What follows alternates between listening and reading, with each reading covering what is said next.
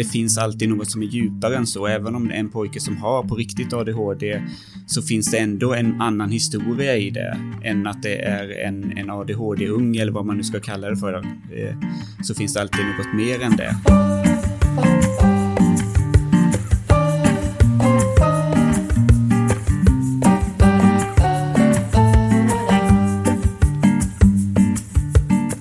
Hej och välkommen till eh, ett nytt avsnitt av podden Socialt arbete i skolan. Idag har vi med oss Gerd Forsberg. Maria Källgren. Välkomna! Och jag, jag heter Per Jansson. Och idag hade vi tänkt att prata lite grann kring ett YouTube-klipp som har figurerat i i omlopp lite grann. Och eh, det är du Rickard som har gjort ett klipp som eh, en berättelse om en pojke i, i skolan.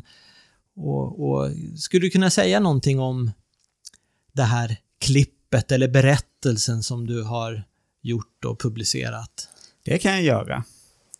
Eh, ja, eh, jag, jag har gjort en liten kortfilm eller en kort berättelse om en, om en kille som Eh, Eh, är utmanande för både elever och för lärare i skolan. Eh, och som då till slut får ADHD som många pojkar får som är utmanande. Eh, men sen som det senare visar sig att eh, det är pappan som har eh, slagit honom eller ja, varit fysisk mot honom och som har gjort det här beteendet. Men att detta kommer inte upp förrän pojken är död då. Sen vet man inte riktigt hur han dog i det här klippet, men han, han dör i alla fall i, vid en, en, en bäck i, i den här lilla staden. Och anledningen att jag gjorde det här klippet var för att jag var, eller är fortfarande ganska man blir ganska ensam på skolan som skolkurator att stå för det här psykosociala att vara den som eh, typ säg, kan komma med en annan förklaring till eh, beteenden. Eh, för skolor generellt, eller fall där jag hör bland mina kollegor och lite så också, de vill ha en, en, en snabb fix på dem, speciellt lärare och sådär vill ha en, en ADHD-diagnos kanske på just den här typen av pojkar. Eh, och sen en medicinering. Eh, utan att tänka så jättemycket på vad det skulle innebära mer än att eh, det ska få gå bra i skolan. Och då, tänk, då har man bara ett skolperspektiv, inte ett liv, livsperspektiv. Jag driver det ganska hårt när vi pratar om sån här problematik i skolan. Eh, för att det är ingen annan som gör det. Och då blir det som att jag är anti-ADHD eller anti-diagnos och sådär. Egentligen är jag väl inte det, men i den utsträckningen som det finns idag så det kan inte vara så mycket som det är just nu. Så därför gjorde jag det här klippet och jag var jag, jag, tror jag var ganska arg, frustrerad och ledsen tror jag när jag började fundera på det här och hur jag skulle nå ut. Nu är det inte så jättemånga som har sett den här filmen, det är några stycken. Sen får vi hoppas att det är fler som kan se det, för den, den är meningen att väcka tankar, att det inte bara, det är inte bara en enkel förklaring till allting sådär. Vi kanske ska säga att det är som ett animerat klipp som du har, har gjort. Ja, precis, det är ett animerat klipp och det är helt påhittat. Är det, så det, det inte, baseras inte på någon eh, speciell, utan det är bara egen påhitt. Som en samlad erfarenhet, kan man säga så? Ja, det kan man säga, absolut. Men, men finns det någon liksom essens i det här? Vad är det du vill säga med klippet? Du, du sa att det finns ett motiv bakom, eller liksom det som har drivit det att göra, men finns det någon essens i Ja, men det, det, är väl att inte bara se ytan hela tiden. För det, men det är den vi ser i skolan, men det finns alltid något som är djupare än så. Även om det är en pojke som har på riktigt ADHD så finns det ändå en annan historia i det än att det är en, en ADHD-ung eller vad man nu ska kalla det för. Eh, så finns det alltid något mer än det. Sen beror det på vilka historier man lägger till där och där vill jag bredda historien eller jag vill få in det psykosociala historien i, i barns berättelse så att det inte blir bara den här biologiska eller medicinska eller diagnoshistorien eh, där, där man kanske, där, där man bara ser allt till den här pojken eh, istället för att se situation, eller i familjen han är i eller situationen i skolan han är i, i, i det mer systemiska. Det, det tappas bort, tänker jag ofta. Maria, när du har sett det här, vad, vad får du för tankar kring, kring eh, Rickards berättelse som han har gjort, eller vad, vad växer dig? Ja, naturligtvis så växte jättemycket känslor och tankar och Eh, Rickard är ju noga med att påtala att det här är som en fiktiv berättelse och du flikade in då i den samlade erfarenheten och jag har ju också mött många sådana här barn genom min både eh, skolkurators tid men också i annat socialt arbete. Och det som jag slås av det är ju att skolan är en plats där man kan också fånga upp de här barnen och som Rickard är inne på ge alternativa förklaringsmodeller.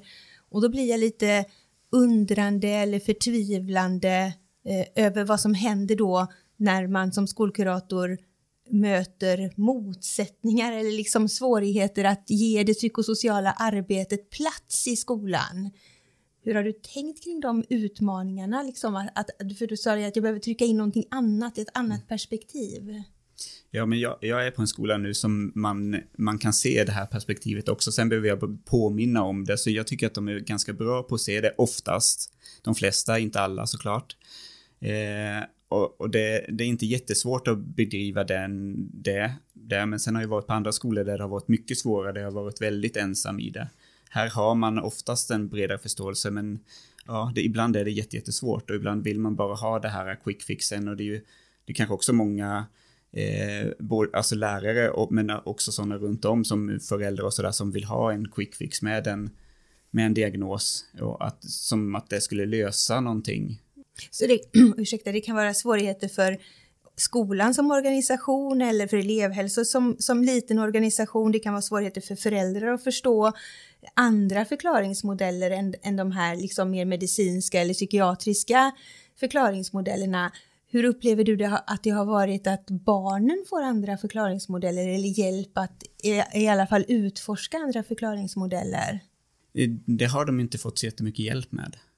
För, nej, för de här, eh, ifall man pratar om utifrån den här killen nu, de kommer ju sällan till mig i det här, i prat med mig, och kanske vid någon incidentrapport eller sådär. De är inte vana oftast att prata om känslor eller sitta och prata om olika saker heller. Så det, det erbjuds nog inte så ofta skolkuratorsamtal, men det är ju också någonting jag kan driva, att jag kan vilja testa, men det, det, är också svårt för man vill ha den här, en diagnos kanske. Som den här pojken då i, i klippet var ju våldsutsatt från sin aggressiva eller våldsutövande pappa och jag tänker att som socialarbetare så växte ju väldigt mycket känslor och tankar i mig. Hur ska vi då kunna fånga upp barnen som är utsatta för våld i sina hem eller i sina nära relationer om de ge, inte ger uttryck för våld utan de ger uttryck för något annat? Det är en bra fråga. Och det är där vi kuratorer måste vara jättevaksamma och, och se det här. Mm. Och jag tror nog att det, de flesta, i alla fall kuratorer, i alla fall de jag känner, är nog ganska bra på att se sånt här, men sen att börja jobba med, och det kan ju också finnas ett motstånd, speciellt om det är våld i hemmen, att det är ett motstånd från föräldrar också. För det är ju föräldrar som säger nej till kuratorskontakt kontakt och då blir man ju ändå mer vaksam. Vad är det här? Men att, att ställa sig frågan, kan det finnas något annat bakom det här beteendet? Att hela tiden ha med sig det perspektivet. Och med det sagt inte att, att alla som, som har få diagnoser har varit utsatta för våld, tänker jag. Det är inte det vi, du säger. Nej, verkligen inte. Nej, utan det är ju en aspekt av det, tänker jag. Men bara för att förtydliga. Ja, verkligen. Jag, jag tänker att diagnoser finns, men sen på skolan så kanske folk upplever att jag är är väldigt emot det. Jag är lite emot det, men det är bara för att det är så. Det har blivit bara en enkel förklaringsmodell på allt nu. Om man ska ha en snabb, eh, en snabb utredning och sen ska man helst få medicin med en gång och så blir det bra. Men det är, det är inte så enkelt, men många tror att det är så enkelt. Men, men tänker man då att det, eller hur upplever du, är det en förskjutning av problemet någon annanstans? Att, att det finns en ett driv i skolan att diagnostisera barnen för att förlägga ansvaret någon annanstans? Eller är det att säga det hårt eller? Nej, det är precis så som det är, tänker jag. Det, för då, då, då finns det en förklaringsmodell, då är det barnet som är det fel på, då är det inte lärarens sätt att undervisa eller sådär. Sen finns det ju olika sätt hur man ska undervisa dem med NPF eller sådär. Mm. Eh, och då kanske det är lättare att börja göra det, men samtidigt så då är det inte skolan det är fel på, det är inte familjen det är fel på, det är bara barnet det är fel på. Mm. Men där kan man ju också tänka att skulle skolan anpassa sig att bli en NPF-skola så kanske alla barn skulle må bra av det. Det tror jag. Eller hur? Det kanske inte är specifika barn. Vi kanske inte behöver rikta insatserna utan vi kanske måste ändra om mycket större på en gruppnivå eller klassrumsnivå så att det passar alla barn. Ja, och det är synd att man behöver ha en diagnos för att man ska få det där. Många gånger, sen är ju vissa lärare ju svinbra, mm. där, där de kan bemöta oavsett om de har diagnoser eller inte. Mm. Men jag tänker att för att inte hamna i något av dikena som jag tror Per var inne lite grann på också, så kan man ju tänka att det ena sättet liksom att då säga att den, utifrån den här fi, lilla filmsnutten nu, så tänker jag att man kunde identifiera att det fanns en risk att man skulle kunna förskjuta det åt ena sidan, barnpsykiatrin för att få en eh, ADHD-diagnos, men man skulle också kunna tänka att när våldet då, upp, om det skulle ha upptäckts, om vi hade kunnat bromsa in den här processen för pojken tidigare och upptäckt våldet, så finns det ju också eh, skyldigheter att rapportera till socialtjänsten, så då skulle det kunna, kunna ta svängen eller vägen till socialtjänsten. Fortfarande så är ju pojken kvar i skolan oavsett om han har, får en socialtjänstdiagnos och nu gör jag liksom sådana här små duttar i luften. Vi har inga diagnoser på socialtjänsten men en sån att det är oro för vad som pågår i hemmet eller den här neuropsykiatriska diagnosen så kommer pojken fortfarande vara kvar i skolan. Och där tänker jag att komplexiteten blir och utmaningen blir för skolan att hantera båda delarna då helt plötsligt. Ja, för han är ju i skolan. Han är i skolan, han har våld hemma eller svårigheter hemma och han har också fått diagnos ADHD då vi, snackar vi utmaningar. Japp, det, det blir utmaningar det. Men, men jag tänker det är en, en, en, att göra, som du är inne på Maria och säger att göra skolan NPF-anpassad eller så. Men det är kanske så, apropå filmen, så, och det, du signalerar att man är lite snabb att sätta en, en åtgärd eller en stämpel på en individ här istället för att fundera på vad, vad finns det andra saker. Så min upplevelse är ju att skolan är väldigt snabb på att göra åtgärder utan att göra analysen egentligen. Man behöver liksom backa bandet och fundera på vad, vad, vad, är det som vi ser för någonting? Hur kan, vi, och hur kan vi förstå det som vi ser utifrån någon slags olika perspektiv oavsett om det är ett medicinskt KBT eller systemiskt eller pedagogiskt eller vad det nu är för någonting så behöver vi liksom förstå det eller ha en, en hypotes om vad vi ska göra sen och sen gör vi någonting. Och sen kan vi fundera på om det där blev rätt eller om vi behöver anpassa det.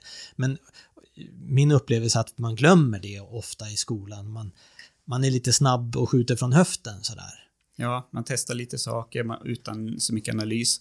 Och Sören Hertz som är psykiatriker i, i Danmark har ju skrivit någon bok också Eh, han, typ, vad, vad, säger, det han säger i den där boken är ju vad, vad säger barnets beteende eh, till oss? Vad vill det säga till oss som inte barnet själv klarar av att säga? Ja. Och det är där som vi glömmer väldigt ofta. Många vi behöver förstå det. det. eller liksom titta efter det också. Ja. ja. Mm. Men tror ni inte också att det finns en utmaning för, nu säger jag lärare för att de är den stora eh, professionsgruppen på en skola, men tror ni inte att det finns vissa utmaningar i att om barnet då åker i, eh, den här lilla pojken som vi pratar om nu, om, han, om det åker till att bli en ADHD-diagnos, då blir det nu får han skärpa sig.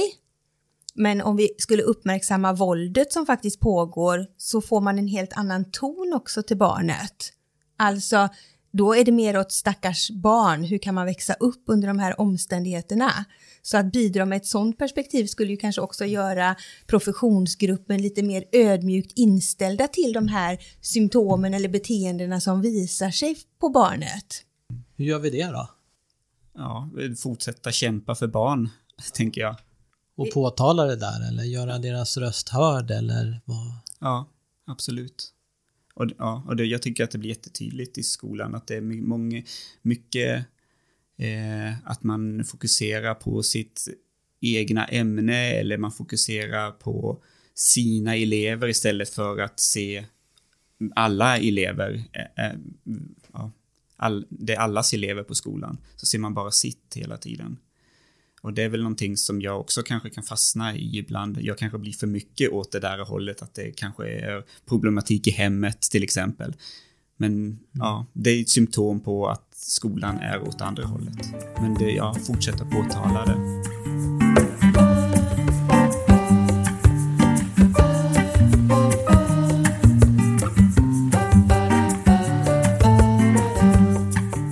Tänker det finns ju också ganska tydliga indikationer från barnen att de fattar sådana här saker, vad det är som pågår i deras hela liv så att säga. Jag tänker att det är väl det är väl inte så att, alltså det finns ju, det, det, visar ju på i alla de här öppna telefonlinjerna som barn faktiskt kan ringa in till att barn har extremt stora behov av att få prata. De ringer till BRIS och Friends och eh, Rädda Barnen och Stadsmissionen, alla telefonlinjer som finns öppna. Barn behöver ju få berätta, så här mår jag, så här har jag det.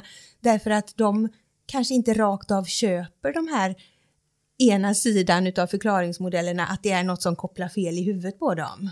Det finns mer saker de vill berätta än ett spår, vilket vi, som Per var inne på, vi gör för snabba analyser utan att inkludera barnen i det. Ja, eller inga analyser. Eller inga analyser. För man bara testar och testar och testar och sen funkar ingenting någon gång. Ja, och det var kanske det jag menade med innan också. Hur ska man få möjlighet att bromsa upp innan det går så illa som för den här pojken? Jo, men kanske faktiskt genom att göra adekvata analyser. Precis som Sören Hertz säger. Vad vill barnet med det här beteendet berätta för oss?